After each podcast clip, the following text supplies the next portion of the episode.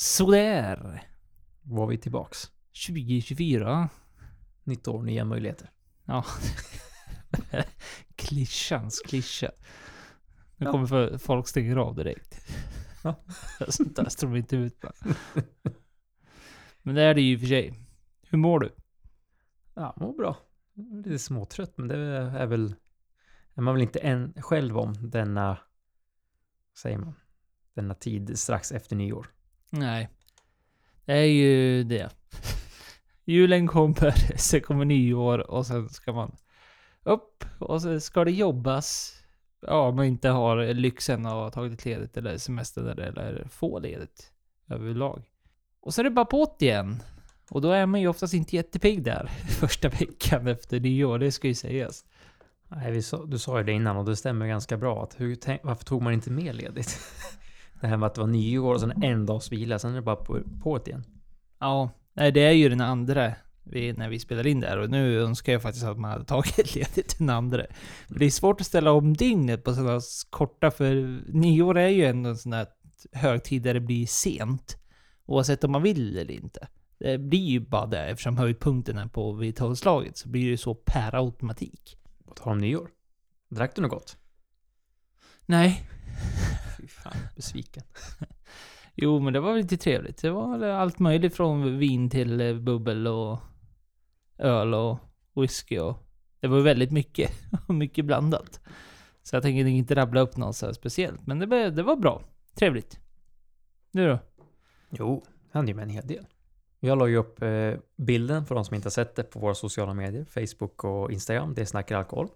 Så var det ju Menyn ungefär som låg uppe, förutom att en, en öl blev utbytt för att det, det kom något annat emellan. Annars så goa champagne, en god kremant, gott rödvin, portvin och god öl. Så att det är absolut nöjd. Och jag tror att tre av dem har vi till och med haft som förslag i podden. Så att ja, det blev ett Rioja till nyår som vi sa i förra avsnittet. Mm, ja, det blev det alltså. Det blev det för min del också faktiskt. Ja, titta. Är det en Baron en, en, en flaska Rioja fick det bli. Ja, ja, men det passade bra. Och gick hem runt borden. Jo, men alltså det är gott. Det var riktigt, riktigt bra. Och champagne var också bra. Ja, Det var bra. Ja, Och ett ja, vitt på gång vin blev det med. Ja, Det är också bra. Ja, men då så. Och jag gissar väl att ni lyssnare också hade det trevligt. Eller inte. Det är oavsett så får vi hoppas att det är trevligt nu i varje fall. Hoppas ni drack Mm. något gott i alla fall. Ja, men eh, någon, någon trevlig stund, eller när ni har haft den där dagen i alla fall. I det här avsnittet dricker vi ingenting. Jo, en grej. Tror du eller ej? Vatten. Vasser. Vasser. Vi sa ju det för ett tag sedan. jag vet inte hur länge sedan det var nu, men det var väl några avsnitt sedan. Ja, det är det är ett tag sedan. Att vi skulle ha en vit månad. Vi är som britterna. Deras, deras grej har ju varit nu så länge att man ska ta en vit månad i januari för att göra det helt enkelt. så vi tänker vi vill hoppa, vi hoppar på det där. Och har en vit månad i podden i varje fall. Ja, precis. Att man tänker, tänker över sina vanor och sånt där och vi kommer in, inte dricka någonting i podden men man vet aldrig vad som händer på helgen. Kanske slinker in en enhet eller så. Men, Ja. men inget... Men alltså, som säger, vi ska ha en vit mån i podden och det är ju bra att uppmärksamma ändå för det är ju många som kör det och testar och ser att det är ju bra för att veta så att det är någonting som smyger upp bakom en. Mm. Jag läste en rolig artikel om eh, fransmännen som försöker få in det där. Det, det gick inte hem. Tydligen så är ju Macron, Macron, Macron, presidenten verkar ju vara en riktig vinälskare och dricker vin till både lunch och middag varje dag. Så, så Det går inte. Han, nej precis, han och sina gubbkom... Eller gubb... Jag vet inte hur gubbig han är egentligen, men tillräckligt gubbig. Men... Eh, så det verkar inte gå igenom. De vill ju kopiera då hälsoministrarna i Frankrike. Vill kopiera, precis som britterna har, att man har det som en grej. För att tanken är ju... De kallar det för Dry January. January. January. Ja. Och försöker ju få det som en social grej så att det faktiskt blir av också. Annars är det ju det som är det svåra. Liksom, och man gör en grej utav det så att folk faktiskt håller sig nyktra en hel månad. Efter allt julfirande. Men de har ju jättelobbyister som är emot det där, så det verkar inte gå så bra. Men det var ganska rolig läsning faktiskt. Nej, men det kan jag väl förstå ändå. Just i länder där den dricks mer till vardags typ som Frankrike där det är som säger lunch och middag. Och även England som ändå är bättre på det med att det dricks en öl till lunch och varje kväll går man till puben. Tror inte att det är lika stort problem med det i Sverige. För här dricker vi ju inte till lunch om man inte är ledig. Och eh, man dricker ju kanske inte varje kväll heller, alltså på puben så. På samma sätt. Så jag tror inte att det är samma. Det är roligt Här. att du säger så, för det, deras lobbyister säger helt tvärtom. Att Sverige gör så. Ja, nej, alltså, men alltså att problemet är att de anser det inte är något problem i Frankrike för att fransmännen dricker ett glas vin till lunch och ett glas vin på kvällen. Och sen that's enough. Så de tycker att det, de behöver inte ha någon vit månad påstår de då. Just för att de dricker, visst, de dricker i stora mängder fast inte så mycket. Och så pekar de på länderna i norrutöver. Där är det viktigare tyckte de, för att här hetsdricker vi ju. Hetsdrickandet är väl en känga till våran akvavit och våran hårdsprit som vi dricker ju kanske ovanligt mycket. Sen är det väl det att vi inte har det som de säger att de dricker ett glas vin till lunch eller till middag varje dag och då blir det ingenting mer på helgen medan vi dricker kanske ingenting i veckan så dricker vi ganska mycket på helgen. Eh, Om det är det de menar. Att vi festar till det mer. Ja, nej, men och jag tror det. Ja. Ja, det, det, men det här hetsdricken, det har vi ju pratat om förut just hur man ser den associationen att i Sverige har det blivit lite det att dricker du varje dag eller om du dricker varannan dag eller något sånt där. Det syns ju nästan, det ses ju mer allvarligt än ifall du går ut och drar det i dig 12 öl och går ut en fredag.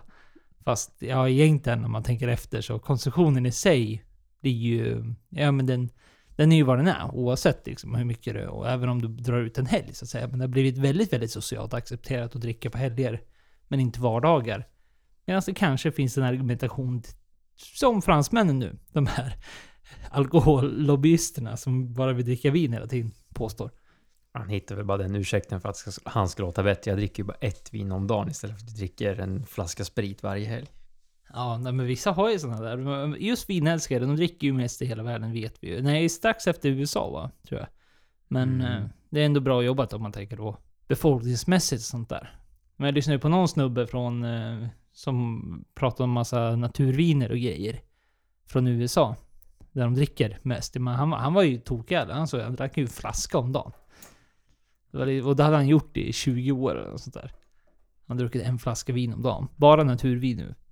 Det är det som var det viktiga. Det var bara naturvin. Annars Bara naturvin. Annars är det inte okej. Där han hittar sin klausul. "Ah, det är bara naturvin. Så det, är, det är ju som, det är som ekologiskt nyttigt. Bra för miljön. Nog om det. Nog om eh, lobbyister och allt möjligt sånt där. Vill du vara med så hoppa, haka på absolut. Men eh, tanken med det här är ju mer bara för att... Eh, dels för att hoppa på grejen. Eh, så som britterna har sin, sin vita månad. Och så är det just att när men vi spelar in det här, då är det ju vardagar. Så att eh, för våran del annars så, så blir det lite skillnad att i alla fall vara, var nykter under hela vardagen. Eller nykter, det är väl inte det det handlar om egentligen, för vi dricker ju aldrig så mycket när vi väl ses ändå. Så att, men det är mest sakens skull. Mm. Försöka ta, hålla det uppe under en hel månad i podden och inte ta någonting på vardagar bara för att ja, se till att vara lite duktig någon gång i livet i alla fall. Nytt år kommer inte bara med bakfyllor och sega efterdagar på nyårs, nyårsdagen. Utan det kommer ju även alltid sådana här förändringar. Reformer och eh, ja, skatter. Och skatter har du ju smällt till med nu också. Kör du dieselbil då kommer du vara jättenöjd. Eller det blev ju för bensinbilarna med va? Jo, det blev Egentligen, bättre. Det var en inte lika stor sänkning som det var på dieseln. Men nu ökar vi skatten på alkohol. Som jag tror nog att de flesta, det har ju stått i stort sett alla tidningar, så det är inte någon som har missat detta. Och vi var ju faktiskt svintidiga. Det var väl tidigt, tidigt i år, när jag tror jag, vi pratade om den höjningen de gjorde 1 januari 2023. Och redan då så kom de ut med att de skulle höja till 2024. För jag tror det var den eh, tidigare regeringen som satte det i mål. Det blir ju ett hårt slag för oss entusiaster. Även om det inte är en jättestor höjning på spriten, som det då är till exempel vin och öl. Men så blir det ju ändå, ja det, det blir dyrare och dyrare som allting. Och de har ju skrivit ut här att det är ju skatten på öl och vin höjs med 7,6 procent och på sprit höjs det med 1 procent. Och visst, en procent är inte lika mycket, men spriten är ju ofta dyrare från första början. Men det blir ju ett hårt slag mot de här bryggerierna och vingårdarna som kommer behöva betala en ännu högre skatt per enhet. Ja, det blir, det blir tungt och framförallt när vi har hållit oss i de här tiderna som vi inte ska gå in jättedjupt i. Det blir ju bara trist och trist och trist. Men ni vet hur det är med inflationer och allt vad det är, alla förhöjningar överlag sådär. Så det är väl redan så att man har börjat sett lite åtstramningar i marknaden. När folk kommer till sina plånböcker. Så väljer man att lägga sina pengar på något annat. Eller att man väljer att köpa billigare alternativ av alkoholhaltiga drycker istället. För att köpa de här mer exklusivare sakerna. Så kommer det här ju givetvis bli ett ännu hårdare slag. Att man kanske kommer gå ner ännu mera. Och då sätter det väldigt stor press på producenterna. Det sätter nog press på vilka typer av kvalitet man vill uppnå. Eller kan uppnå till och med. Alltså hur blir det? Vi har ju pratat om eh, tumpriser som bara sticker iväg. Men nu börjar man prata om humle väldigt mycket. Om att det är på väg bort. Eller inte på väg bort, men att det blir sämre och sämre skörder för varje år som har gått. Det har varit någon sån här sjuk, sjuka procent nedgångar och sånt där. Att det, och allt det här adderar ju upp till att då kanske producenter behöver välja sämre produkter. Och då blir det ju oftast en sämre slutprodukt. Bara för att hålla ner priserna. Och vilket det då ofta leder till att man slutar köpa den och då går det sämre. Vilket till slut leder till konkurs. Eh, alternativt är att man håller upp den kvaliteten man vill hålla. Men klarar inte av råvarukostnaderna att man går i konkurs där igen. Så att eh, vilken väg man än väljer så är det ju svårt om man inte har bra investerare eller eh, djupa fickor. Det räcker ju att kolla på börsen på till exempel både High Coast och Mackmyra går ju inte jättebra, speciellt Mackmyra. Så att det är ju, det är ju en ganska downwards trend. Och sen slår de på en ytterligare skattehöjning här som inte heller tror jag är så jättevälkomnande hos de lokala bryggerierna. Men även om man tänker att vi tar det här från två perspektiv, vi som försöker hålla uppe perspektivet, så kanske man påstår att nej men alltså skattehöjningar är någonting som kommer hela tiden, det här är väl inget konstigt. Det kunde man ju vänta sig och så vidare. Och så är det ju i och för sig. Men det börjar väl ändå bli lite så här som man blir lite... Men det har varit ganska många. Som sagt, det var en eh, första januari 2023. Som vi rapporterade då i, kanske var årets första avsnitt eller Kommer inte ihåg. Ja, någonstans där i alla fall. Men sen var det en under vårgången också. Och så hade vi en i augusti. Och sen nu har vi en igen. Så det har ju gått väldigt snabbt. Även och, återigen den här, den här skattehöjningen sattes ju i... Man visste att den här skulle komma redan för ett år sedan. Så det var väl inga konstigheter så, men... Ja, det har blivit mycket på kort tid nu, så nu får man väl ändå hoppas lite grann att vi slipper få flera skattehöjningar på, på just alkoholhaltiga drycker. Nu när du skjutit iväg så mycket som du redan gjort. Ja, och sen är det ju som du sa, de sänker till slut. Det var väl ett vallöfte att man skulle sänka priser på diesel och bensin och sånt. Och nu har det blivit en sänkning. Jag vet inte koll om det är liksom från, det är ju Europa, det har blivit billigare överlag. Men att då ska skatten bringas in någon annanstans och då tar de det härifrån. Så att hur man än gör så ska ju skatten komma in till staten. Men eh, det blir ju väldigt mycket som säger när det är fyra höjningar på ett år som blir ganska rejält. Visst, de stora producenterna klarar ju sig eh, och även alltså de utländska som säljer bra kommer ju, lider inte så mycket av det, utan det är ju de här mindre bryggerierna som då kanske antingen måste höja priset till en prispunkt där folk till slut väljer att inte köpa eller att de håller sig på samma prispunkt med en sämre marginal, vilket gör att de måste öka försäljningen för att nå samma resultat. Vilket eh, återigen lämnar ju ett, ett hål och en ond spiral som eh, tyvärr kanske leder till att fler bryggerier sadlar om och kanske gör något annat. Erik Fritjof, delägare i Hylle Bryggeri i Malmö, som skickade in en insändare till Expressen. Så jag tror nog att de flesta har sett också, skulle jag gissa, om man är lite intresserad. Så här. Det, har varit, det har varit mycket ändå tjafs, menar inte på ett negativt så, men utan tjat eller prat om alkoholhaltiga drycker i de större medierna. Och då är det ju lättare att se dem. Men han pratar just om eh, det här med skatter. Och då vill de ha någon typ av differentierad, heter det så? differentierad alkoholskatt. Och han har ju egentligen skickat in det här som en eh, debatt blir det väl. Till eh, partiledarna Ulf Kristersson och Jim Åkesson. Som då är i alla fall lite intresserade av öl och hantverksöl med att de borde titta över det eftersom som han skriver om man ska läsa lite snabbt så är det att han vänder sig direkt till de som bryr sig om småföretagande, tillväxt på landsbygden och turistekonomi och ja, kulturer och sådär. Så är ju de här småbryggerierna en del av dem i alla fall, småföretagarna och eh, som kanske gör att det blir turism på landsbygden om de kan öppna upp och så. Det gör ju liksom, alltså han har ju rätt i det han skriver, att det är ju kanske dags för de här att börja lyssna också och se, men jag vet inte hur mycket, hur mycket det gör, hur mycket partiledarna, det, de lovar ju så mycket och säger så mycket. Men det kanske, om man är på två av de lite större partierna, att det händer någonting i alla fall.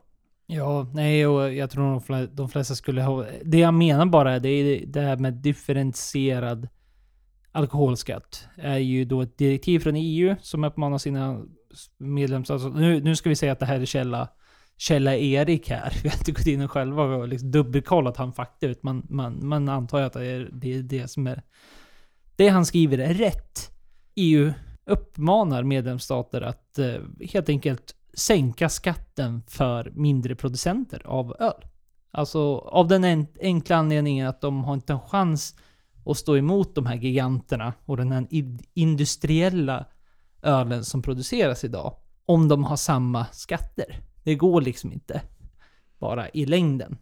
Det verkar ju då som att det är väldigt, väldigt många förutom Sverige och Spanien som har gjort detta. Om man tänker efter att det är samma sak som eh, i Sverige, det här med att du tjänar en viss peng. När du går över en viss lön så får du betala mer i skatt och sådär. Att det borde ju egentligen vara något liknande på det här.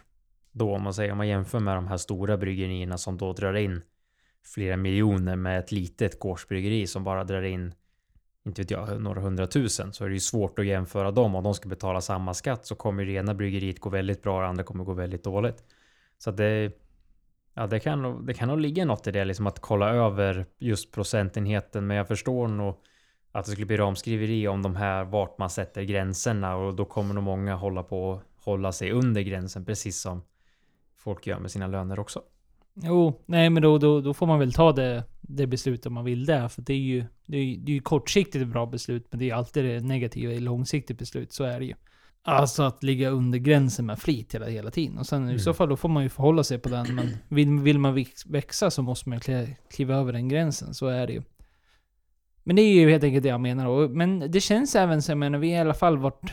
Vi har haft flera sådana här lägen där man alltid har pratat om alkohollagar eh, och allt vad det är och hela systemet som Sverige står bakom är mer eller mindre varför Systembolaget existerar och jära jära för att det liksom inte hetsa upp någon typ av alkoholkultur och helt enkelt dra ner konsumtionen av alkohol så, så mycket som möjligt så säger jag ändå att det här borde kunna finnas en chans för detta. För att det här handlar ju egentligen inte om att mindre eller mer tillgängligt eller någonting, utan det här är ju egentligen bara sett från producenternas håll. Alltså att främja näringsliv, alltså kultur, näringsliv, försäljningar, alltså arbetstillfällen och helt, hela den biten. För det är ju inte så att...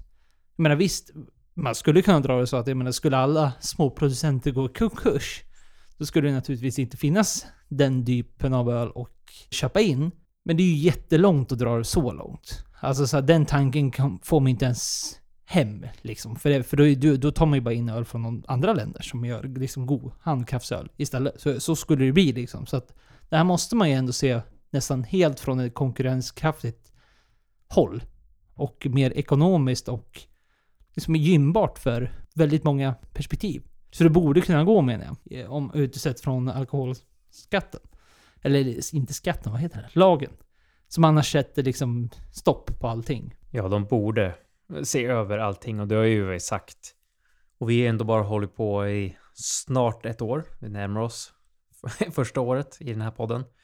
Men att det är ju det man ser och det folk har varit på staten länge med att ändra lagen både med matkrav och skatter och allt möjligt och, öppna upp för gårdförsäljning. Det är ju väldigt stora frågor. Men det finns ju små saker som skulle kunna hjälpa till att komma vidare på någonting i alla fall. Skatt ska ju tas in, men en, en hög skatteökning gör ju att det är svårt för bryggerier. Vi vet ju redan om man jämför med om du går på systemet och har en tight plånbok och så ser du en platta, till exempel Falcon eller Piston eller Hayes eller något sådär som kostar runt 12-13 kronor. Eller ska du köpa en svensk hantverksöl där du lägger minst det dubbla. Ja, då, då, risken är ju om du har då pengar att du köper en billigare. Och då blir det ju svårt för dem att hålla ett konkurrenspris, eller säger man? Om, man? om man jämför med det och sen blir den dyrare så måste de öka för att då kanske de stora producenterna ökar en krona. För de kan ta den smällen medan de här mindre måste öka två till, inte vet jag, fem kronor. Och då är plötsligt blir, kanske den sticker över den här vi pratade om, 99 kronors vinet så är det säkert samma sak med öl. Att det går en viss gräns när folk väljer att inte köpa. Och nu pratar vi kanske inte om just ni som lyssnar här för ni är entusiaster och tycker det är kul att prova och det är bra att stötta lokala. Men om man pratar med de andra folket som inte tänker så, utan de som bara tittar på priset. Har du sett videon på den självskällande Guinness-maskinen? Kommer Mm. upp lite då och då i flödet. Nej. Det är ganska för, Det är som en... Det är som en sån här kaffemaskin. Eller som en vanlig dryckesmaskin. Fast det är Guinness, det vad det är. Så folk ställer sin plastmugg i den där maskinen. Och sen blippar man kortet. Så plus 25. Och sen kommer det ner någon sån här plastgrej, så tar den glaset. Så fylls det bara i med Guinness. Det är ändå lite ballt. Så måste jag på jobbet. Ja. Nu under vita månaden. Perfekt. Men eh, det, liksom det första som slog mig där, det är, väl, det är väl tråkigt att tänka så, men jag tänkte direkt, är, det- skulle det funka i Sverige? Jag tror inte det va, eller? Nej, det skulle du Jag vet inte. Det, det känns som att det är svårt va? Att ha någon sån här, för jag vet inte riktigt hur den där maskinen liksom kollar eh, hur gammal man är eller sånt där. Eller om man skulle kunna få som att man skulle få kliva in, för det finns ju sådana i tobak menar jag.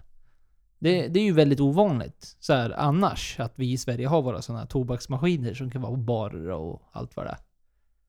Mm. Det vore ju trevligt. Ja, det vore ju kul. Alltså, det är ju en rolig grej. Det känns som framtiden. Ja, på, på tal om det såg jag ju någon som hade ändrat i duschen. Det här som nu under hela covid när man inte skulle röra någonting så var allt sensorstyrt. Man skulle ta tvål. Hällde den i whisky sa han istället för en skål. Så rörde kom det fram precis två centiliter whisky i den där sk- i den skålen. Ja.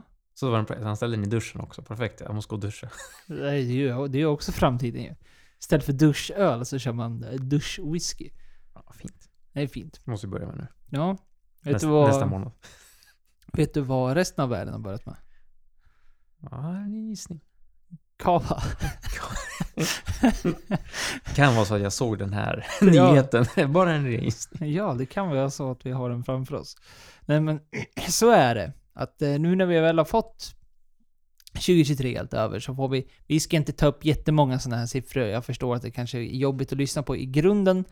Men det här tyckte jag ändå var värt att nämna, för att det, har ju, det är ju sjuka siffror. Och det vi pratar om är alltså Kavans resa under året. Och det har ökat med 7,65 procent totalt Det under låter, 2023. det låter inte mycket, men det är ganska mycket. Framförallt när vi tänker att mycket har ju gått ner. Rakt upp och ner. Och framförallt inom viner generellt så, så har ju det liksom gått dåligt. Och det går dåligt för viner. Att då Kava väljer att, eller helt plötsligt hoppar upp 7,65% det är ändå, det är markant alltså. Jag undrar om det är för att folk har förstått att liksom kava så får du någonting som inte alla kava, men många görs ju ofta enligt champagnemetoden att du liksom får ändå ett billigare vin eller en sparkling wine då som ändå kan man, man jämför inte champagne, man ska inte säga att det är champagne, men en som ändå liksom närmar sig där till en bättre prispunkt med att nu när allting blir dyrare och har blivit det så har folk valt att istället köpa kava istället för champagne och då kanske de som har köpt prosecco tidigare också gått över på cava. För vi pratade om det här med demand också, att helt plötsligt kanske det fi- blir brist på den drycken du brukar köpa och så köper något annat och då kanske det råkar vara en cava. Det har vi nämnt tidigare i, podden. Att det här med att när prosecco hade ju någon brist på någon druva, jag kommer inte ihåg vilken det var. Ja, det var väl, det brann väl Ja, det brann. Ja, precis. Då gör, det- gör ju saker svårt när det brinner. Ja, och då Så kanske är det är så att de inte kan leverera den drycken som man brukar köpa. För eftersom prosecco och cava kan ligga hyfsat nära i prisklass.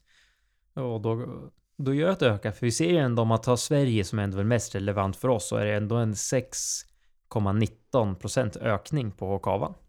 Ja, det, det är mycket.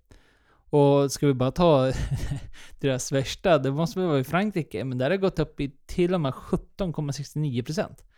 Ja, Det är ju ändå mycket. Det är ju inte hållbart att jämföra liksom cava med champagne, det, det går ju bara inte. Men som dryck, om vi tänker då en cremant eller något liknande. Och då är det ju ändå markant att eh, fransmännen själva väljer cava. Och, men jag tror precis det du säger, alltså bara kvaliteten. Jag menar, vi har ju pratat om cava flera gånger här i podden också och man har provat att köpa de här mer exklusivare. Jag hade ju med en på min topp tre, var det så? Eller nej, det var inte topp tre, men det var så en av de roligaste jag tyckte vi drack i under året. Och det var en sån här Grand Reserve Cava. Det, alltså det är kvalitet bara. Så är det bara, punkt slut. Alltså det, de har kommit upp in till en nivå nu som jag tycker är väldigt, väldigt trevligt. Cremanten, där finns ju också fantastiska Cremant för helt plötsligt en bråkdel av priset. Tror folk har fattat grejen. På nyår drack, drack vi en kremant vid tolvslaget för att det är istället för att öppna en champagne man ofta är lite mätt och druckit och ätit mycket under hela dagen. Så är det som du säger att det finns ju fantastiskt goda kremanter för mer än halva priset. Och det gäller ju även kava och när man går upp i pris för kava finns det ju ofta lite billigare runt där 100 kronors, så 99 kronors vinet. Så kan man ju få tag i några bra kavor. Men sen går man upp de här små pengarna som egentligen, jag kommer inte ihåg vad den kostade. Eh, Grand, den du köpte. Reserve, den var väl under 200 kronor? Ja, jag tror det var 199. Ja, jag tror det också. Eh, Precis. Och den var ju väldigt bra. Och som säger, jämföra den med en champagne, du måste ytterligare lägga i alla fall jag vet inte vad den billigaste ligger på, men eh, säg 100 kronor så, två, så det ligger på ja, 299 så kanske du får en helt okej champagne. Så var ju den här kavan mycket bättre. Och det är ju kul. Det här är ju roligt. Det är ju kanske en liten omsegling av prosecco nu som har varit ganska högt i topp, i alla fall i Sverige, för att det här billigare bubblet som folk köper, att de kanske väljer att gå över till kavan, vilket då också är inte lika sött. Proseccon är ju fortfarande väldigt söt tycker jag. Mm, ja, men det, då, jag gillar ju mer kavan av den anledningen också. Och du får fortfarande det här... Ja men det här fruktigheten som är... Man får ju sällan den här brödigheten. Det är ju ganska exklusivt till champagne mer. Men eh, man får ju absolut den här friska, trevliga noten som det är, det är många som är ute efter just när vi pratar om bubbel i sin generella term. Men bara för att säga några till där. Vi hade Frankrike 17%. Sen har vi även Storbritannien 19%. Också en jättestor ökning om man räknar ett år. Och sen Brasilien. De hittar ju kava. det, det, det kan man säga. 2023. Ja, en ökning på 76,29 procent. Alltså det, det får ju en undra. Vi, vi vet ju inte. Eh, vi, vi kan inte se här i, i denna artikel. Det får ju nästan att tro att de knappt ens hade någon import av kava in, sen innan. Nej, eller, känns eller det som kan ju att liksom det inte är- bara att- explodera. Att det är så, att de inte haft någon och sen har de kanske satsat på den marknaden och då har det kommit till billigare alternativ. Vi är inte jätteinsatta på brasilianska marknaden i alkohol. ja, det, men det- kanske vi borde vara. Ja, kul. Vi skulle kunna åka dit Ja, och göra. kolla alkoholmarknaden. Ja, Alkoholkulturen. Käka marsvin och allt på med där borta. Ja, men det låter gott. Dricka Ja. kava till det. Ja. Det är kanske mer i så här Peru och Argentina i och för sig. Men, nej, men det är väl trevlig matkultur. Absolut. Jo. Det är ju kul och det är roligt att se den här stora ökningen. Annars är det ju för oss i, ni som lyssnar på podden är väl mest intresserade av Sverige men även kanske Europa och sagt de har ökat i, och vi har sagt UK och det är Frankrike. Även Polen och eh, i Belgien har det ju också. Och Nederländerna. Så att det, det har ju blivit en större ökning i hela Europa. Vilket är kul att se en ny, inte en ny dryck, men något nytt som börjar komma fram mer. Vilket kanske också gör att det kommer fram lite roligare hit till Sverige. Mot vad som finns här idag. Klimat. Buh. Igen. Ja, fan vad folk måste vara trötta på det här. Men lyssna på oss. Eller lyssna på mig. Lyssna på oss. det kommer med en liten twist där. Och det här är liksom inte så här uh, buh, uh, klimatet och, och, och så. Men jag hittade en lite spännande artikel just som kollar på humle. Och då humle som sin produkt. Eh, I, i detta klimat. Som inte mår sådär jättebra. Humlen väcks främst i Tyskland, Tjeckien och Slovenien. Som eh, i alla de här, Tyskland, Tjeckien och Slovenien tillsammans står för 90% av den europeiska humleodlingen. Och då är det då en Martin Mojnjny eller något. Det är ja förlåt, är det rasistiskt att säga sådär? Jag vet inte. Martin Mosny. M-O-Z med en krumlur. N-Y med krumlur. Säger man så förstår man att det var ett namn som var svårt att uttala. Ja, precis. Och han är ju då från, eh, han är tjeck själv. Och har ju då gjort en liten studie på detta. Där de har jämfört från 1994. Och sen har de tittat, följt efter. Och sen har de jämfört med idag då. Och flera år däremellan. Och ser just skillnaden på det här. Det är så pass att sen 1994 så har humlen blivit mognat 20 dagar tidigare. Och det är ju ganska markant ändå. Och på grund av detta så har även skördarna minskat med 0,2 ton per hektar och år. Det är ändå... Det är ju markanta siffror vi pratar om här. Det är ju det. Och det här är ju något som inte har varit lika eh, framåtställt på samma sätt som till exempel viner, där det har varit mycket mer med druvor, hur, hur det ser ut för dem och hur de ska överleva frostnätterna och torkan och så här. Det här är ju på något sätt blir det här lite skymundan. Jag vet inte varför. För det här är öl är väl ändå nästan den största drycken någonsin. Ja, men jag tänker att det, det har nog med mycket att göra på att det liksom smyger sig på lite grann. Alltså så här, det, det, är inte bara BAM, som det kan bli med vinodling menar jag. Att det är liksom, är det ett dåligt år så BAM, alla får veta det på ett sätt. Men det liksom smyger sig på sakta, sakta, sakta. Kommer ju påverka jättemånga människor. Sen, alltså humle idag. Förr i tiden så använde man ju humle just för att det var ett bra konserveringsmedel. Men det använder man inte idag. Idag använder man ju nästan bara för eh, smaksättning. Så det är väl också kanske en grej då. Alltså att eh, även om humle har blivit en väldigt, väldigt stor grej och eh, folk verkligen skulle sakna det så kanske det är just det att det har smugit på lite grann. Det kan ju faktiskt vara så. Det är ju ändå en viktig ingrediens för själva ölindustrin. Eh, och sen, vi pratade lite om det här innan vi började spela in också, med vad, vad det här kan vad det kan leda till om det blir en sån här humlebrist i framtiden. Som det, det börjar ju synas på en ganska stor skala att det är något som händer med det. Ja men verkligen. Och fortsätter de här siffrorna som jag då nämnde. Alltså att eh, 0,2 ton per hektar och år. Fortsätter den här siffran. Så tror ju den här Martin med det svåra efternamnet att humleskördarna kommer förväntas minska fram till och med 2050. Och därefter så vet man inte riktigt vad, vad som kommer hända. Alltså kommer de avbrytas helt eller vad kommer hända? det man tror då, analysmässigt så, så blir, en, blir humle så pass svårodlat som man kanske då fruktar att det kommer kunna bli om 25 år. Så ja, då kan det bli så att det blir sämre humle som bryggerierna får använda eller kanske ingen alls i slutändan. Antingen så vi, får vi sämre öl eller så blir, kommer det bli väldigt, väldigt dyr. Det är väl där, där vi står som entusiaster. Kän, känns bra det här. yes. vi, vi, dum dum, vad heter hobby att hålla på med alkohol. Nej, men det är ett återigen tecken på att man måste börja tänka och fundera på hur man ska gå, gå vidare, hur man ska kunna lösa det, alltså, så att det inte blir så det inte är slut. Om man säger vinerna och druvorna hittar de ju lösningar på och sådär. Men det här vet jag liksom inte, vad, vad ska de göra om det bara helt plötsligt försvinner? Att bara, nej men nu är det slut. Det räcker inte till alla, utan då kommer det ju bli den som betalar mest vinner. Då kommer ju ja, de här mindre bryggerierna inte få någonting och de stora kommer få mer och de kommer ta högre priser. Det blir liksom det leder ju vidare. Eller kommer man hitta ett substitut eller en fake-humle för att kunna ersätta det här? Det är kanske någonting som de som är med på bollen då, ifall de här siffrorna fortsätter. Nu ska ju sägas att det här är alltså siffror som kom nu 2023. Och sen vet vi inte hur det kommer fortsätta, men med tanke på att 2023 blev det varmaste året hittills vi någonsin har haft, så betyder det mycket på att det kommer fortsätta att bli varmare och varmare, framförallt runt i södra Europa.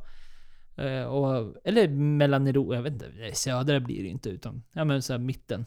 Där någonstans. Som sagt, Slovenien, Tjeckien. Det är där man odlar som mest tillsammans med Tyskland. Och det är väl då ifall ja men hakar man på det här, följer de här siffrorna och ser att nej, men det här verkar kunna fortsätta, där, men då kanske det blir större intresse av att odla här i Sverige. Eller i Norge, Finland, alltså andra typer av klimat som vi ändå ser också förändras väldigt, väldigt mycket. Ifall man bara byter och hoppar på det här tåget. Att, ja, men då kanske man ser även en finansiell öppning. Om helt plötsligt att 90% av hela marknaden där man odlar humle idag inte kommer kunna odla humle. Eller de kanske kommer kunna, men inte lika bra. Men då kanske det är ett tåg som är värt att hoppa på. Det tror jag absolut. Det räcker ju att kolla på vinodlingen, hur mycket det har- har gått framåt i typ England där de inte kunde odla vin för flera år sedan, men nu går det ganska bra. Vi kan även odla en del druvor långt ner i Sverige, att liksom det börjar ju öka upp och det är ju klimatförändringar som du säger, att man kanske ska vara snabb på tåget, hoppa på och se om ja, vi kan odla och kanske då göra till en större utsträckning om man klarar av att göra en större kvantitet och kunna sälja den också. Mm. Men de har även en plan B här. Eller plan B är det väl inte, men det är så här rolig kuriosa som nämns i, i eh, artikeln. Och då är det just om eh, Kristoffers landslag som gick igång 1442. Och där var varje bonde skyldig att ha en humlegård. Och sen ökade den 1774 till att man skulle ha, från att ha 40 störar till att man skulle ha 200 stycken. Var man tvungen att ha. Och så där höll det på tills eh, 1860. Då det avskaffades var ju då det blev mer industrialiserat. Men det kanske är en plan B. Varje människa får odla humle hemma. Alltså varje, varje villa odla humle. Det känns väl ingen sport det här. Nej. Fattar du Det hur många humlor som skulle dö för att man glömmer vattna dem? ja. Okej, men- men liksom bara kuriosa om man undrar varför det var så. Då var ju, som jag nämnde tidigare, då använde, användes ju humlen av en anledning. Idag använder vi det som en smaksättning. Då använder man det väldigt mycket som ett konserveringsmedel. Och just när man fick, eller konserverings... Ja, det var väl det jag sa. Ja. Konserverade effekten i alla fall i humlen och vad den bidrar med, så stod det ju väldigt mycket bättre. Och vattnet, som ni säkert vet, var inte det bästa förr i tiden va. Så att eh, precis som vinet slog igenom så slog ju ölet också igenom på att man trodde att det skulle vara bättre att dricka vin, eller öl, säkrare än att dricka vattnet. Med alla dess... Alkohol tar ju död på allting. Macron kanske är på... Vi kanske ska hoppa av våran vita. Ja, precis. Vi börjar dricka mer. Ja, dricka varje dag. lunch. Gillar oss. Poppar även blir man säger på jobbet. Ta fram vinflaskan, vad gör du? Bara, Nej men alltså det här är ju lag.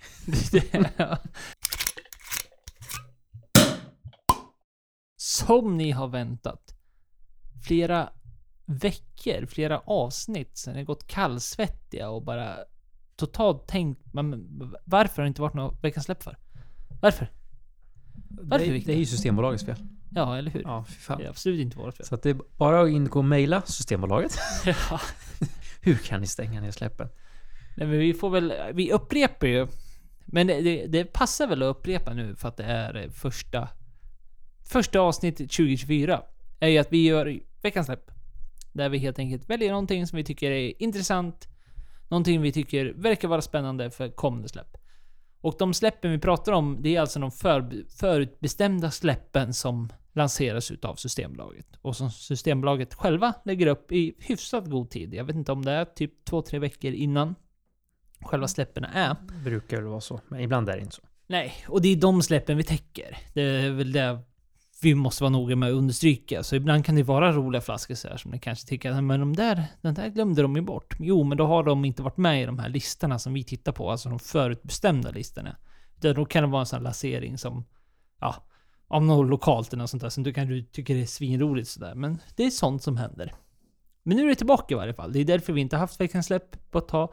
För att de officiella lanseringarna via Systembolaget så har det inte varit något sådant. Ah, Äh. Ja, nu har roligt. väntat, väntat länge. Och för sig är väl det kanske bra för plånboken. att det inte är något släpp alla gånger. Ja, det var inte det. Man hittar ju annat att lägga pengar på. Ja, ja, oh ja. Så är det ju. Det brukar vara så snabbt. Så fort man, så fort det inte säljs, Ja. släpps någon sprit, då köper man annat skit. Man Julklappar till andra. nödigt skit. Det lägger vi ner. Är, och har du inte tänkt med på det här förut så finns det tillfälligt sortiment, lokalt och småskaligt och eh, webblanseringarna. Och så finns det väl någon mer som, så finns det lite så här säsongbaserade släpp. Men eh, denna gång, detta släpp, alltså nu pratar vi nästa vecka alltså. Nu, det här släpps på fredag. Så lyssnar du på det här på fredagen så är det alltså kommande vecka. Och allting släpps den åttonde. Kan vi börja med att säga. Så är det ju den här veckan. Eftersom det bara... Ja, vad var det nu? Bara är eh, smått och lokalt och småskaligt. Jag säger alltid smått och småskaligt. ja, det. går bra nu. ja, men du får börja Viktor. No, nog snack om det här nu. Nu har vi för alla stängt av ändå. Så Ja, det- precis. Men nu är det ny öl och vi har ju pratat om det under hela det här avsnittet egentligen att med alla skattehöjningar och sånt där att man ska fundera på vad man köper och det här är väl ett perfekt tillfälle att eh, köpa Kava. kava ja. kava och whisky. Ja. Även köpa lokala öler nu när det släpps lite grann för att verkligen stötta. Och ser du något du visst, du behöver inte köpa 24 stycken. Vill du det, gör det. Det är jättebra för bryggerierna. Men eh, köp en eller två. Och mitt eh, första är Bryggverket. Som släpper en Stout of Heaven. Som kommer ligga på 50,60 kronor plus pant. Eh, en 33 och på 11 procent. Och här är lite jag som är lite sucker ibland för hur de ser ut. Det är en jävligt snygg burk det här också. Mhm. Mm. Vad är det för typ av etikett? Ja, den är svart. Och så står det Stout of Heaven och så är det någon sol eller något i bakgrunden. Jag vet inte. Vart kan man se den sen då? På vår, våra hemsida tänkte jag säga. Våra sociala Ja, Nej, det medier. gör man inte. Men på vår hemsida så kan vi hitta länkar till våra sociala medier där de finns. Och då är det. Instagram och eh, Facebook. Och nu kommer de här saknade måndagsbilderna komma upp igen. På våra, våra rekommendationer. För de som har saknat dem. Ja, men det, det är ju lättare att se. Dels får ni med artikelnumret, sen får man just visualisationen, eh, visuell, det visuella helt enkelt. Och det gör ju mycket för många, så är det ju. Absolut. Och det här är ju ett bryggeri som ligger i Umeå och som eh, jag har aldrig provat någonting därifrån innan, men det här kanske blir den, den första. Det finns ju så mycket att välja på och eh, stout är alltid trevligt. Så att eh, mitt första är eh, Bryggverket Stout of Heaven Eh, släpps den åttonde i första. Mm. Ja, jag åker till andra sidan Sverige ja. Och Skåne. Böckeberg. Böckebergs bryggeri. Dark Necessities. Undrar om de syftar på en Red Hot Chili Peppers låt som heter Dark Necessities. Väldigt bra låt. Det gör de säkert inte alls för jag tänker att Dark Necessities är väl... Det är väl, det är väl inga konstigheter. Men det, de håller i alla fall till i Svedala kommun. Och eh, samma sak här. Det här är ett bryggeri som inte har eh, hamnat på min radar sedan tidigare. Eh, men nu släpper de ett helt eh, gäng, ett helt drös. Och det som, det som fångade blicken säkert. Också väldigt, väldigt trevliga flaskor. Annorlunda form på själva flaskorna och etiketterna. väldigt trevligt. Och det verkar vara väldigt grisinspirerat.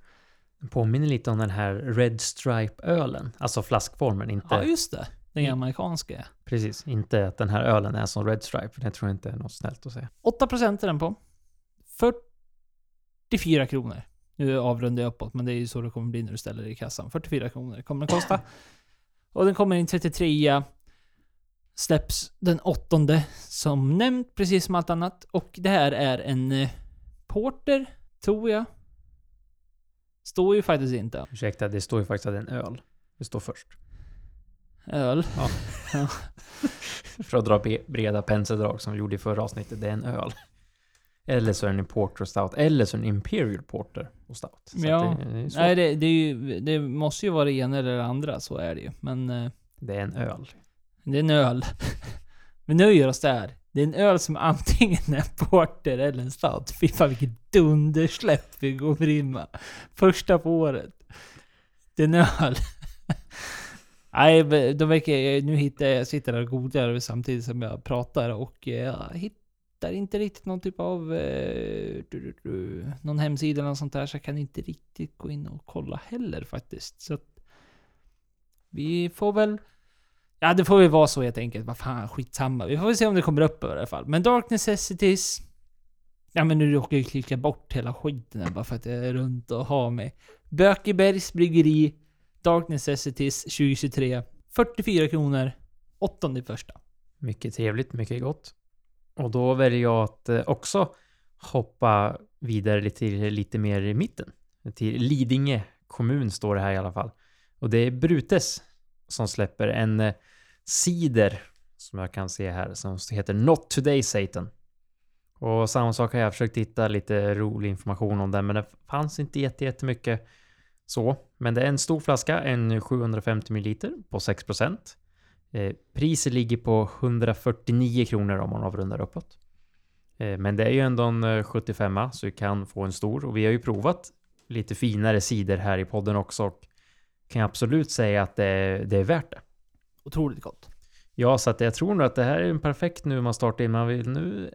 Just idag så snöar det och det är skitkallt och det är halt. Så då vill man gärna köpa någonting som påminner om den här ljuvliga sommaren som vi gärna längtar till. Ja. Och då skulle jag nog säga den här. Och Brutes verkar ju ha väldigt mycket under sin portfolio så det är ju kul. Och det är roligt när det kommer lite sådana här roligare, finare, torra sidrar. Än de här söta som man ofta har druckit i sin ungdom, eller vad säger man? Ja, men verkligen. Väldigt Så- trevligt. Så att en eh, Brutes Not Today Satan eh, släpps den åttonde första.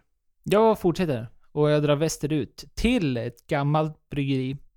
Eller gammalt bryggeri är det inte heller. Men det är ett gammalt bryggeri uppnämnt i podcasten. Två feta grisar. Då är vi i Göteborg. Engelsk bitter släpper de. För ett väldigt trevligt pris på 24 kronor plus pant. Så 25 spänn för den här burken. Och då är vi ju helt plötsligt uppe där i ESB territoriet och harvar. Och ändå lite billigare än vissa andra typer av öler i, i liknande stil. Så det är ju väldigt positivt. Nu slår de in konkurrenskraftigt här. Det har vi inte undankommit någon att jag gillar bitter. Jag gillar engelsk bitter, ESB, engelsk special bitter. Extra special Bitters heter de. Eh, det är ju en eh, stil som är väldigt speciell sådär, men eh, jag, jag tycker verkligen om dem. Så att jag gissar att det här kommer vara en riktig höjdare för mig personligen. Två feta grisar, fantastiskt bryggeri, har ett väldigt, väldigt trevligt ölhak i, där du kan glida in och dricka lite öl. Ja, inte så mycket mer att säga. Trevligt, konkurrenskraftigt pris, 25 spänn kommer det då bli med pant inräknat. Och åttonde första, den med 33 burk, 4,5% så att det är också väldigt engelskt. Bara mellanöl rakt upp och ner. Det var det. Det var alldeles första avsnittet detta år. Vad kul vi kommer ha det. Ja, det Ett år till nu. Oh. Ja, vad Oh. kul. Och vad, vad tyckte du om vattnet? Var det bra? Ja, men väldigt bra faktiskt. Jaha. Det är ju trevligt. Det, det gick faktiskt ganska trevligt. Nu är det ju här första gången vi spelar in ett poddavsnitt utan att ha någonting att sitta och dricka och sådär. Man trodde att det skulle kunna vara lite... Jag märkte hur irriterade det var. Tråkigt det var så att lägger vi ner podden direkt. Ja, det kanske nu så lyssnar och märker också jävlar vad rappar de var idag. det är för att vi sitter och är nyktra. Det är det som är grejen. Låter som, nu låter det som att vi är skitfulla varenda gång vi spelar Nej, in. men det är vi ju återigen inte. Utan det, det är bara ett skämt sådär. Men det, så, så, så är det. Ja, som vi har nämnt tidigare, man måste tänka nu, skatten höjs, att eh, när man går och handlar på systemet och ska plocka på sin öl till helgen, att kanske välja att plocka med sig någon extra eh, lokalt, lokalt bryggeri. Bara för att eh, stötta lite extra nu i de här svåra tiderna som faktiskt är. Eh, så att man tänker på det tror jag i alla fall, varje gång man går till ett bolag och ska köpa med sig inför helgen. Något mer man kan tänka på? Då kan man skriva ner det och skicka till oss. Om det var någonting under avsnittet ni tyckte var tråkigt, bra eller bara ha någon allmän kommentar eller något helt annat, helt icke-relaterat till detta avsnitt så hör av dig på kontakt desnackaralkohol.com Det är våra mail och så har du Det snackar alkohol på Facebook och Instagram. Och från förra avsnittet eh, så tycker vi gärna är kul om det är någon som hade några bra bilder på sitt nyårsfirande så man kan få lite inspiration till nästa år. Som vi sa i förra avsnittet, att eh, samma sak, skicka på sociala medier eller på mail. Så med det så säger vi god fortsättning. God fortsättning och halka inte när ni går ut och går. Nej.